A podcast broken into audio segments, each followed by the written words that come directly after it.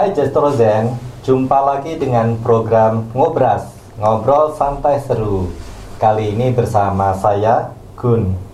Mungkin di antara Jestrozen pernah mengalami ketidaksesuaian harapan saat menanam tanaman buah, khususnya buah jeruk. Harapannya berbuah besar, manis, ternyata begitu tanaman berbuah ternyata tidak sesuai dengan apa yang kita harapkan. Atau mungkin sudah bosan dengan tanaman yang ada. Sedangkan tanaman tersebut sudah besar. Nah saat ini bersama saya sudah ada Bapak Insinyur Agus Sugiatno salah seorang peneliti Bali Destro yang akan membahas teknologi top walking. Halo Pak Agus apa kabar? Halo, baik, sehat selalu. Nah, ini Pak berkaitan dengan eh, top walking. Sebenarnya istilah top walking itu apa sih Pak? Mungkin bisa dijelaskan? Baik, top walking adalah teknologi mengganti varietas tanaman buah-buahan yang ada di lapang dengan varietas yang kehendaki secara cepat. Artinya, ketika tanaman di top walking itu satu dua tahun kemudian bisa berbuah. Jadi tentunya dengan top walking ini ada perubahan uh, atau peningkatan nilai tambah. Misalnya tanaman yang sekarang misalnya jeruk varietas A, kemudian kita top walking menjadi varietas B, tentunya varietas B tersebut harus lebih unggul dibandingkan varietas A. Hmm, intinya untuk memperbaiki itu ya Pak ya. Ya. Sudah ada. Eh, sampai ada teknologi top walking. Kira-kira ada sejarahnya nggak Pak di Bali Jasper ini Pak? Mungkin bisa disampaikan. Baik, kalau sejarahnya cukup panjang. Jadi kalau secara teori saya pernah membaca buku teknologi top walking itu sudah dilakukan pada tanaman jeruk di tahun 56 cukup lama kemudian di tanaman apukat tahun 80 kami saya dan teman-teman melakukan top walking pertama kali itu di tanaman apukat tahun 92 waktu itu Bali justru masih uh, menjadi subbalai penelitian hortikultura.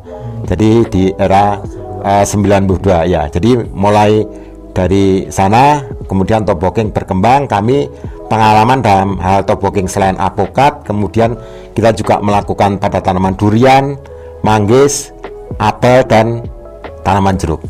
Jadi sejarahnya cukup Lumayan. panjang ya. Dari 50-an ke 90-an. Nah, untuk tanaman jeruk sendiri Pak, apakah semua varietas bisa dilakukan top walking itu Pak? ya top walking pada tanaman jeruk itu cukup mudah sehingga bisa diterapkan hampir di semua varietas. Ya tentunya eh, penggantian itu tadi sesuai yang harus kita kendaki.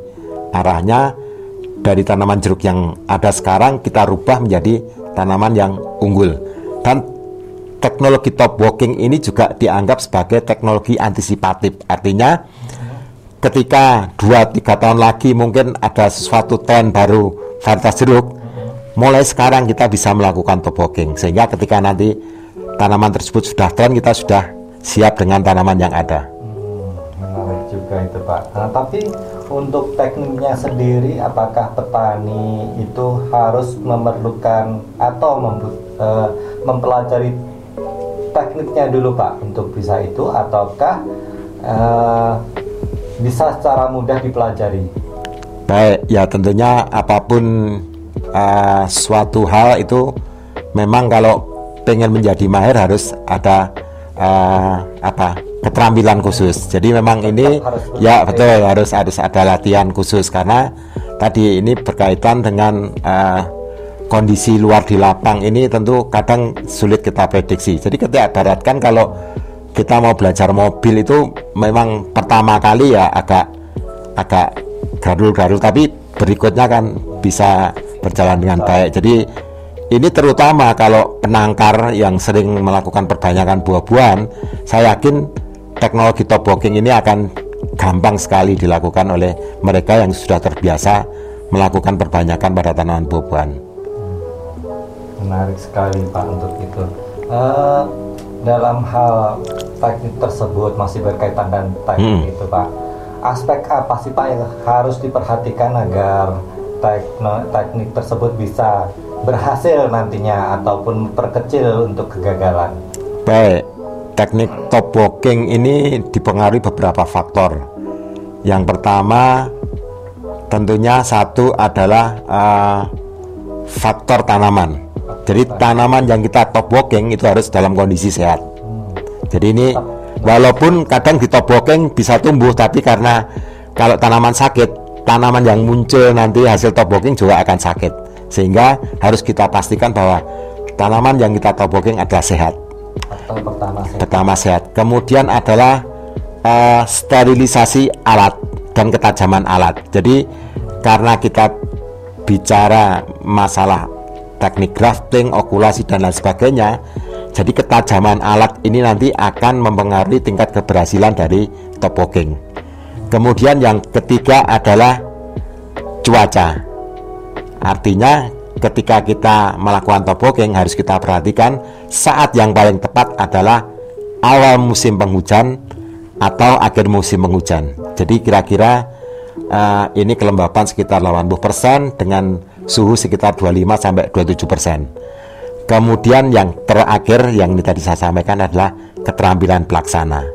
Jadi satu sampai sekian tadi itu tidak ada artinya kalau pelaksananya kurang terampil karena ketika kita terbiasa melakukan sesuatu, sesuatu hal tentunya itu nanti akan juga menjadi hal yang biasa dan itu akan mendukung keberhasilan untuk top walking. Uh, pastinya kalau berkaitan dengan ketajaman alat itu tetap ada hubungan dengan sterilisasi alat tersebut. Iya, ya? betul, ya. Untuk me, apa? Dari gangguan penyakit kalau apa yang ada dari peralatan ya, ini ya. kan.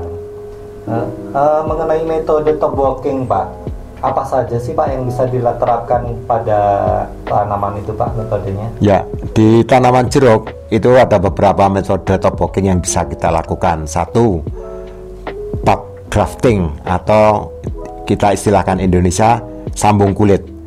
Jadi tanaman yang kita top walking kita potong, kita potong ketinggian sekitar 50 sampai 75 cm, kemudian kita sayat kulitnya dengan tujuan kita buka kemudian kita satukan dengan batang atas batang atas yang kita pilih jadi ini untuk menyatukan antara kambium batang bawah dengan batang atas ini satu cara uh, sambung kulit. Kemudian yang kedua cleft grafting sambung celah. Sambung celah ini sama jadi tanaman kita potong kemudian baru kita buat celah. Tadi kalau yang sambung kulit kita sayat ke bawah kita buka kulitnya kalau ini kita buat celahnya. Jadi di antara dua tadi sambung kulit keberhasilannya lebih tinggi dibandingkan sambung celah. Karena sambung celah memang relatif agak susah. Jadi untuk menyamakan ukuran antara celah yang kita buat dengan ujung entris ini harus benar-benar tepat supaya tadi keberhasilannya tinggi. Kemudian yang ketiga adalah okulasi. Jadi okulasi pada tanaman jeruk bisa dilakukan pada ranting-rantingnya. Gampang ini. Kemudian ada juga sambung samping. Sambung samping bedanya hampir mirip dengan okulasi. Jadi tanaman tidak potong pada ranting atau cabang. Kemudian kalau pada okulasi yang kita tempel, kita toboking kan adalah mata tempel. Sedangkan kalau sambung samping atau sambung sisip, ini yang kita toboking kan adalah entres berupa ranting. Nah, kemudian yang terakhir ini alternatif. Artinya ketika cara-cara tersebut tidak berhasil, ini kita menumbuhkan atau menunggu tunas yang muncul shoot grafting tunas yang muncul. Nah itu, betul. kita biarkan. Jadi kalau cara-cara tadi tidak berhasil tanaman kita biarkan. Dia tiga bulan nanti akan muncul tunas baru. Nah tunas baru nanti baru kita grafting atau kita okulasi. Jadi ini cara sambung tunas. Alternatif terakhir. Terakhir betul. Nah pastinya pak tadi saat mau melakukan tobogan kan kita potong dulu ya, ya Pak. Ya. Nah, untuk permukaan yang potong tadi pastinya ada sisa Pak ya. Ya, betul, nah, betul. apa yang kita lakukan Pak dengan untuk menghindari ya, ya uh, kontaminasi penyakit itu Pak? Baik, jadi ketika kita melakukan top walking dan tanaman kita potong setelah kita lakukan top walking ada bidang permukaan yang terbuka. Nah, nah terbuka ini kalau tidak kita perlakukan resikonya dia kena terpapar sinar matahari, sambungan akan menjadi kering. Sehingga kita siasati dengan kita oles dengan parafin atau lilin pada permukaan supaya tujuannya adalah dia mengurangi penguapan. Ketika penguapan dikurangi, dia nanti akan uh, bisa memacu entres yang kita toboking kita tobokingkan jadi menjadi uh, tumbuh dengan baik ya. Hmm, itu pak. Sekarang uh, jika tanaman itu sudah dilakukan top walking dan berhasil, hmm. apakah ada masanya masa produktifnya maksudnya pak? Jadi ya. kalau pada usia-usia uh, yang lebih dari antara 10 atau bahkan hmm. 20 tahun jika tanaman itu masih bisa bertahan, hmm. Hmm. apakah dia masih tetap produktif, Pak? Ya.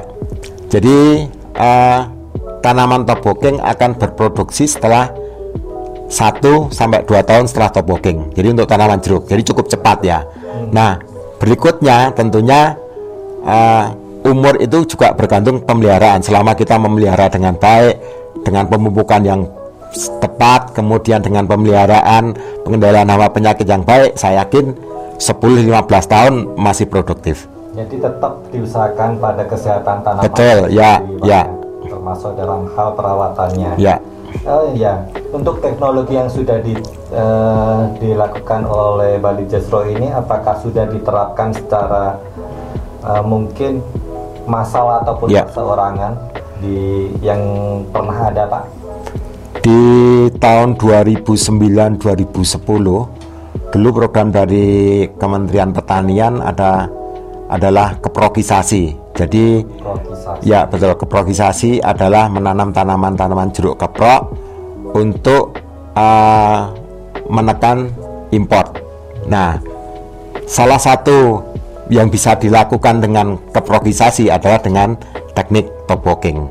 Nah, daerah yang sudah mengembangkan topoking jeruk ini adalah di daerah uh, Kecamatan Dau di Kabupaten Malang. Malang. Ya, di situ sekitar mungkin 25 sampai 30 hektar tanaman yang awalnya jeruk manis atau jeruk baby kemudian diganti dengan jeruk keprok batu 55. Secara serempak atau secara bertahap itu? Ya, secara bertahap oleh petani secara ya secara massal oleh petani tapi sesuai dengan kelompok mereka masing-masing. Tetap kita dampingi gitu Pak. Ya, kita ya. hanya memberi contoh kemudian mereka melakukan sendiri, berkembang dengan sendirinya.